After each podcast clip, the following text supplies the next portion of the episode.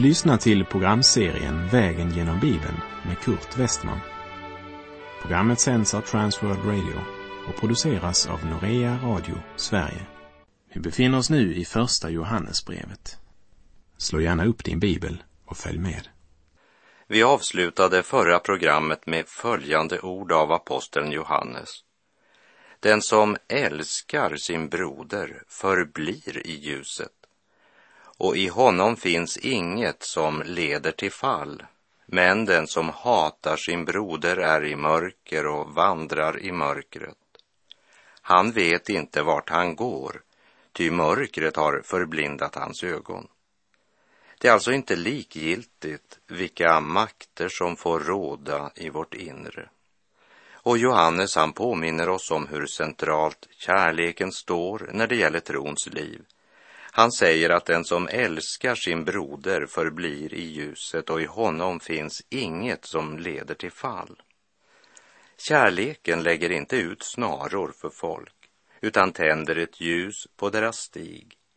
Men den jordmån ur vilken kärleken växer fram, det är syndernas förlåtelse, ett fullbordat frälsningsverk. Vi läser Johannes första brev kapitel 2, vers 12. Jag skriver till er barn, era synder är förlåtna för hans namns skull. Han påminner dem om den nåd som har gjort dem till Guds barn. Uttrycket barn kan tyda på att han här först och främst riktar sig till de som är nya på trons väg. Deras barnaskap vilar på Jesu Kristi försoningsdöd. Synden som var skiljemuren mellan dem och Gud, den är nedriven.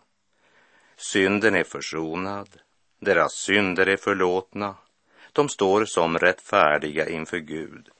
Och Johannes påminner om att det är för Jesus skull, eller som han uttrycker det lite senare i kapitel 4, vers 19. Vi älskar därför att han först har älskat oss. Gud är kärlekens källa. Men han är inte bara kärlek, han är också helig och rättfärdig och han hatar synd och orättfärdighet. Därför påminner Johannes de andliga barnen om att deras synder är förlåtna. Hade de inte hört det tidigare? Jo, visst. Men det är själva kärnan i Kristuslivet och vissheten om att våra synder är förlåtna. Det är grunden för all sann andlig växt och utveckling. Men Johannes skriver inte bara till de nyomvända i olika åldrar. Han har också ett ord till församlingens ledare och till de som varit troende en tid och som erfarit att Kristi seger fått gällande auktoritet i deras liv. Kapitel 2, vers 13. Jag skriver till er fäder. Ni har lärt känna honom som är från begynnelsen. Jag skriver till er unga män, ni har besegrat den onde.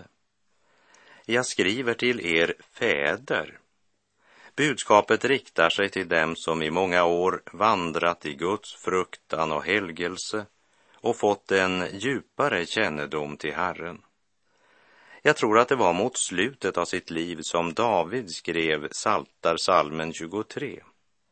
Han kan inte ha skrivit den salmen som ung herde. För det är en psalm som vittnar om verklig livserfarenhet som vuxit fram under livsvandringens alla skiftande händelser. Det är en psalm skriven av en som personligen lärt känna honom som är från begynnelsen. Psalm 23, den gamla konungens psalm. Kung David glömde aldrig herdegossen David. David hade konfronterats med alla sorts problem och faror och han hade levt i nära gemenskap med Herren. Han var ett Guds barn, fostrad i livets hårda skola, där Herrens tuktan hade varit en del av vardagen och han hör definitivt till den grupp som Johannes kallar fäder. Psalm 23 är inte en ung och oerfaren mans drömmar, utan ett genuint reflekterande utifrån en rik och omfattande erfarenhet. För när David närmar sig slutet av sitt liv så ser han tillbaka på sin vandring och sitt livsöde. Så i psalm 23 möter du inte en oerfaren människas teorier, men du möter ett levande vittnesbörd från en verklighet han har erfarit steg för steg genom ett långt liv. Johannes skriver till barn, fäder och unga. Fäder talar också om dem som har ett ansvar, både för de andliga barnen och för de unga som levde mitt i den andliga kampens frestelser och svårigheter.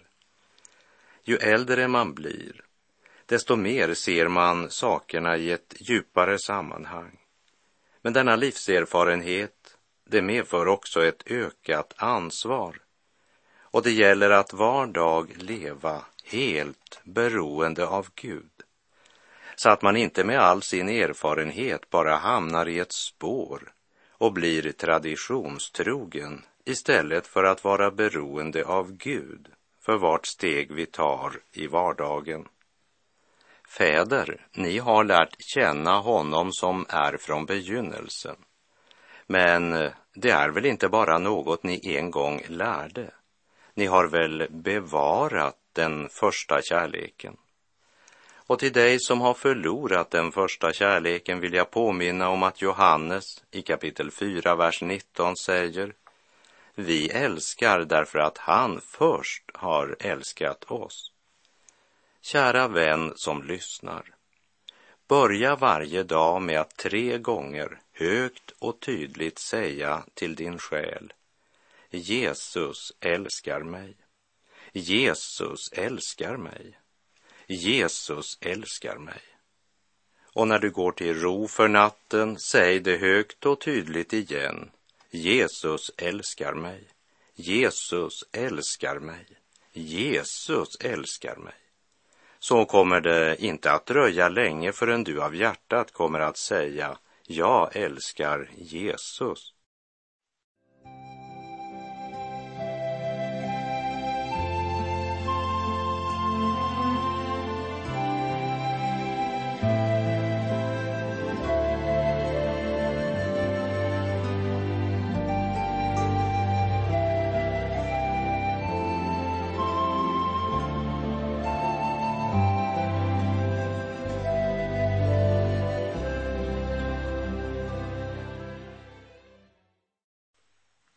Samhörigheten i Guds församling betonas mycket starkt när Johannes i vers 14 talar både om barn, fäder och unga män.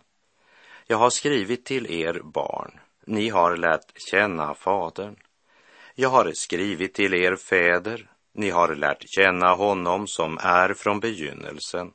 Jag har skrivit till er unga män, ni är starka och Guds ord förblir i er och ni har besegrat den onde. Även om de var helt färska på trons väg, andliga barn, så hade de lärt känna Fadern. I början av kapitel 3 säger Johannes, se vilken kärlek Fadern har skänkt oss, att vi får kallas Guds barn. Och det är vi också. Världen känner oss inte, därför att den har inte lärt känna honom. Och i Johannes evangeliets fjortonde kapitel, verserna 7 till 9 säger Jesus Om ni har lärt känna mig ska ni också lära känna min fader. Och härefter känner ni honom och har sett honom.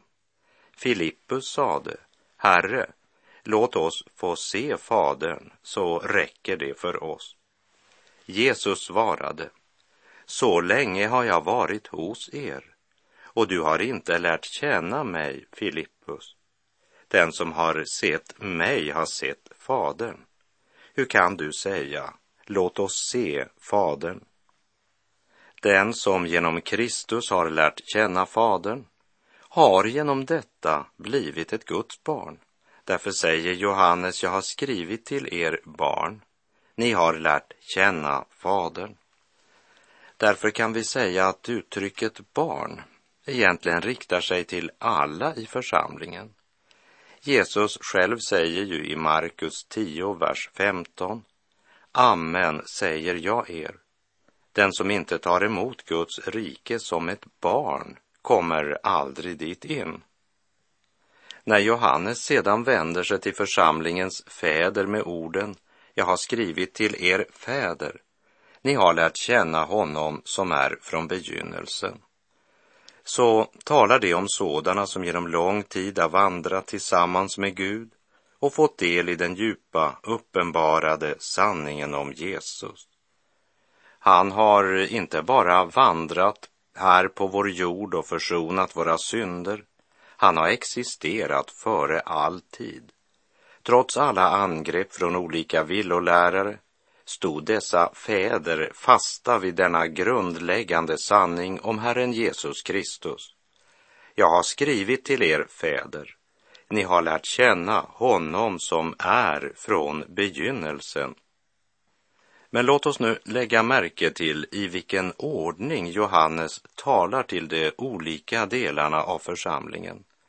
Han säger inte barn, unga och fäder, men han säger barn, fäder och unga. Han nämner de unga sist, och det är också till dem han har mest att säga. Och jag tror att det är viktigt att förstå att det nog inte är en speciell etisk seger som de har vunnit och som får Johannes att utropa ni är starka och Guds ord förblir er och ni har besegrat den onde. De har inte segrat därför att de är unga. Men här talar Johannes om trons triumf.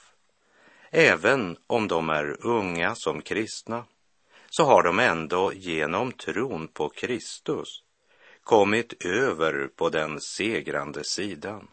De har fått del i den tro som övervinner världen. Även den som inte varit frälst så länge kan vara stark när han bara inser sitt beroende av Gud och håller fast vid Guds ord. För den som håller fast vid den kraftkällan och regelbundet dricker av den han är stark och växer i tron. Så även om den unge inte har den erfarenhet och fostrats så länge som fäderna, så har de genom Guds ord lärt hemligheten om var segern över fienden ligger, nämligen i Kristi blod. Segern ligger i att bygga på samma grund som barnen. Era synder är förlåtna för hans namns skull så kommer han till de förmaningar som gäller alla grupperna i det troendes gemenskap. Först har han flera gånger påmint om att deras synder är förlåtna, för det är källan till allt som sedan växer fram. Och nu har Johannes något att säga till den som fått sina synder förlåtna för Jesu namns skull. Och vi läser i kapitel 2, vers 15. Älska inte världen inte heller det som är i världen. Om någon älskar världen finns inte Faderns kärlek i honom. Det är mer än en som har försökt dela upp Johannes brev och skilja det här avsnittet ifrån det som tidigare har sagts, men det hör helt uppenbart samman. Först har Johannes talat om hur vi som Guds barn kan veta att vi verkligen är hans barn. Och han sa, att det kan vi veta därför att vi älskar honom och håller hans bud. Och längre fram kommer Johannes att säga att hans bud är inte tunga. Och det är inte lagen, de tio buden Johannes talar om, utan de befallningar Herren Jesus gav alla sina efterföljare. Vi har fått en öppen väg in till det allra heligaste, där vi lever i en nära relation med den uppståndne Kristus. Någon har sagt att Romarbrevet handlar om hur vi kommer ut ur träldomshuset. Efesierbrevet visar oss vägen in i festsalen.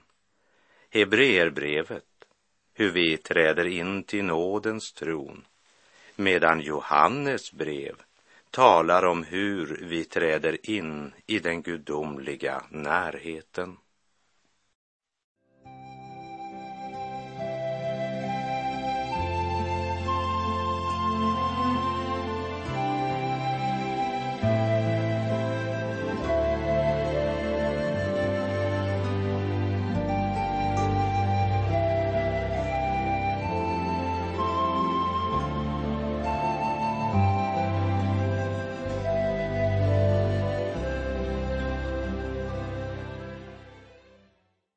Den stig på vilken vi kan äga visshet och vara ett vittnesbörd, inte bara för våra grannar, men också för vår egen del och vara klara över att vi vandrar i ljuset. Det är genom vår lydnad för honom och vår vilja och vår önskan att våra liv ska vara till Herrens behag. Man har en känsla av att det är en del troende idag som liksom biter ihop tänderna och säger Ja, jag ska lyda honom. Men det är inte kärleken som motiverar dem och därför blir lydnaden mera en prestation än en trons frukt. I Johannes evangeliets fjortonde kapitel, vers 15 säger Jesus, om ni älskar mig kommer ni att hålla mina bud.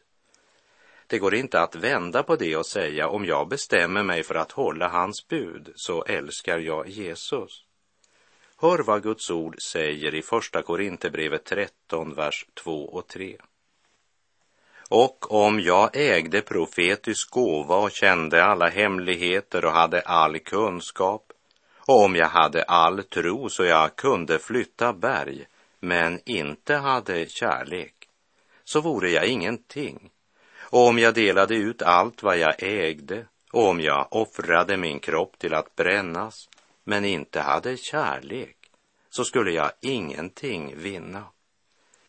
När Herren får lov att genom sin ande utösa sin kärlek i våra hjärtan så att vi håller Jesu bud därför att vi älskar honom, då löser sig många av problemen både i församlingen och i vårt hem och mycket av vår ovisshet kommer att fördunsta som när dimman fördunstar för solens varma strålar. Allt Guds liv baseras på en kärleksrelation och initiativet, ja, det är hos Gud. Vi älskar därför att han först har älskat oss. Och vi kan inte älska både Gud och världen. Och här talar Johannes i klartext, enkelt och rakt på sak. Älska inte världen, inte heller det som är i världen. Om någon älskar världen finns inte Faderns kärlek i honom. Vilken värld är det Johannes talar om? Det är inte skapelsen med alla forsar och vattenfall, blommorna, fåglarna, skogen. Det är inte det vi ska hata. Med världen talar han inte heller om mänskligheten eller människan. För Guds ord säger, ty så älskade Gud världen att han utgav sin enfödde son för att de som tror på honom inte ska gå förlorade utan ha evigt liv. Men vilken värld är det då han talar om? Det är denna världens system där människan vänder Gud ryggen för att vara sin egen herre. Det är individualismen, egoismen, själviskheten, oberoendet av Gud. Det är den här tidsålderns Gud som har förblindat människans sinnen. Det handlar om den hållning där människan säger, jag har väl rätt att göra som jag vill i Johannes 8, vers 36 säger Jesus till Pilatus. Mitt rike är inte av den här världen. Om mitt rike vore av den här världen hade mina tjänare kämpat för att jag inte skulle bli överlämnad åt judarna. Men nu är mitt rike inte av den här världen. Och till de troende i Kolosse skriver Paulus i början av Kolosserbrevets tredje kapitel. Då ni alltså har uppstått med Kristus, Sök då det som är där ovan, där Kristus sitter på Guds högra sida. Tänk på det som är där ovan, inte på det som är på jorden. Ty ni har dött och ert liv är dolt med Kristus i Gud. Det blir ibland sagt att många bekänner Kristus med sin mun samtidigt som deras hjärta hör hemma i världen. En sådan blir ibland karaktäriserad som en kötslig kristen. Men aposteln Paulus går så långt att han säger att om någon älskar världen så finns Faderns kärlek inte i den människan. Johannes vill göra klart för oss att antingen kommer vi att lyda den ena världen eller den andra. Det existerar inget mitt emellan. I Matteus 12, vers 30 säger Jesus, den som inte är med mig är emot mig och den som inte samlar med mig, han skingrar. Antingen så kommer du att följa tidsandan och lyda världen och leva i och av världen och ha din glädje i allt det som denna värld kan erbjuda. Eller också kommer du att lyda Gud. Hör vad Paulus skriver till de troende i Galatien i Galaterbrevet 6.14.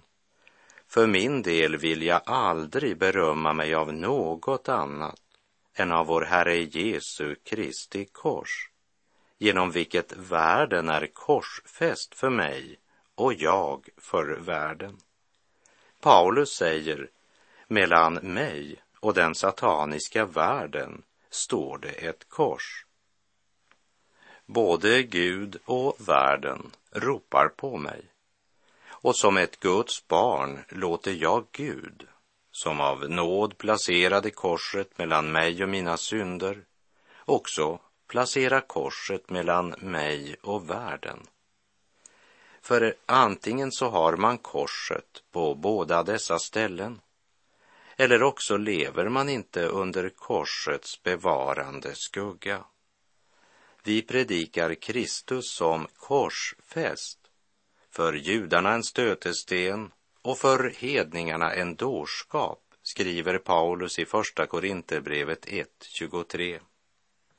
Och Petrus, han talar i sitt andra brev, kapitel 2, om att de har lärt känna vår Herre och Frälsare Jesus Kristus och undkommit världens smitta. Den värld om vilken skriften i Första Korinterbrevet 7.31 vittnar, ty världen, sådan den är, går mot sin undergång. Det är till den världen Jesus ropar, omvänd er, himmelriket är nära.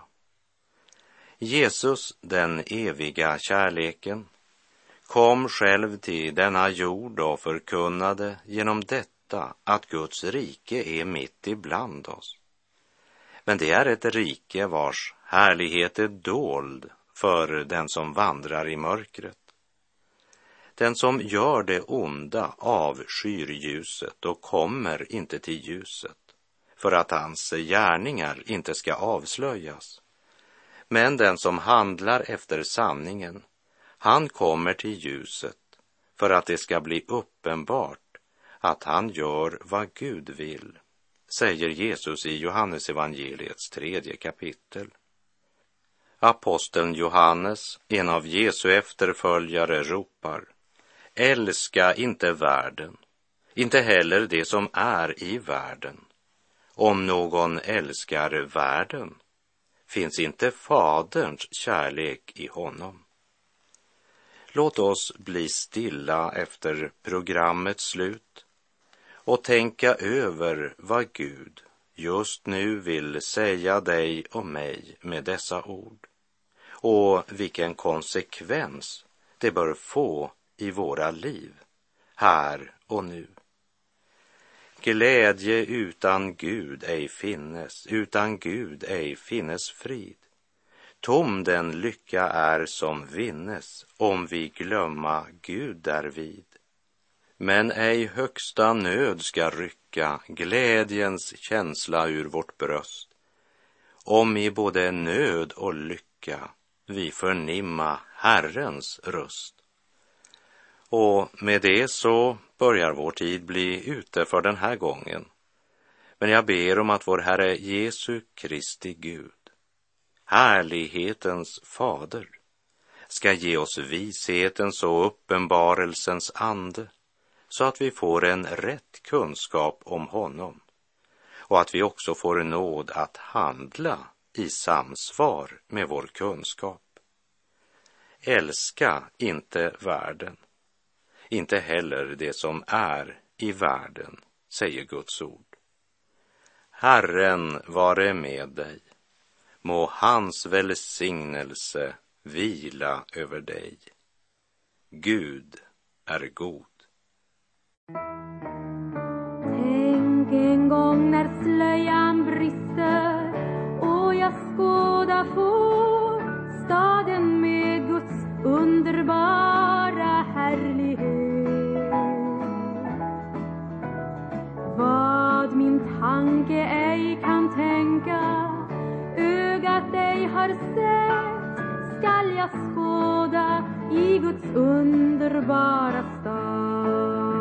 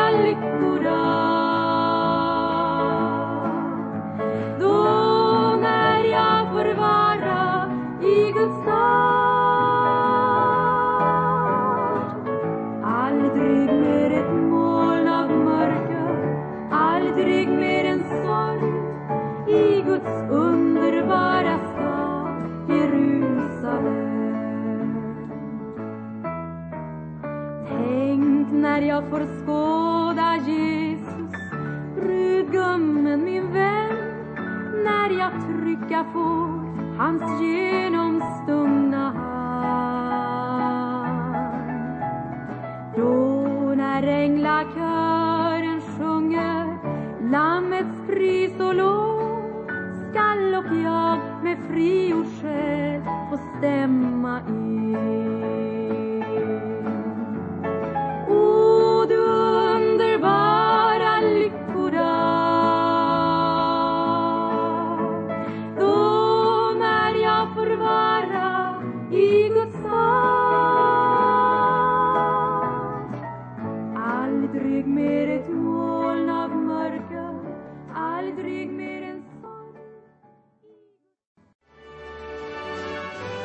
Du har lyssnat till programserien Vägen genom Bibeln med Kurt Westman som sänds av Transworld Radio. Programserien är producerad av Norea Radio Sverige. Om du önskar mer information om vårt radiomissionsarbete så skriv till Norea Radio Sverige, box 3419 103 68 Stockholm. Adressen är alltså Norea Radio Sverige, box 3419. Postnumret 10368 Stockholm.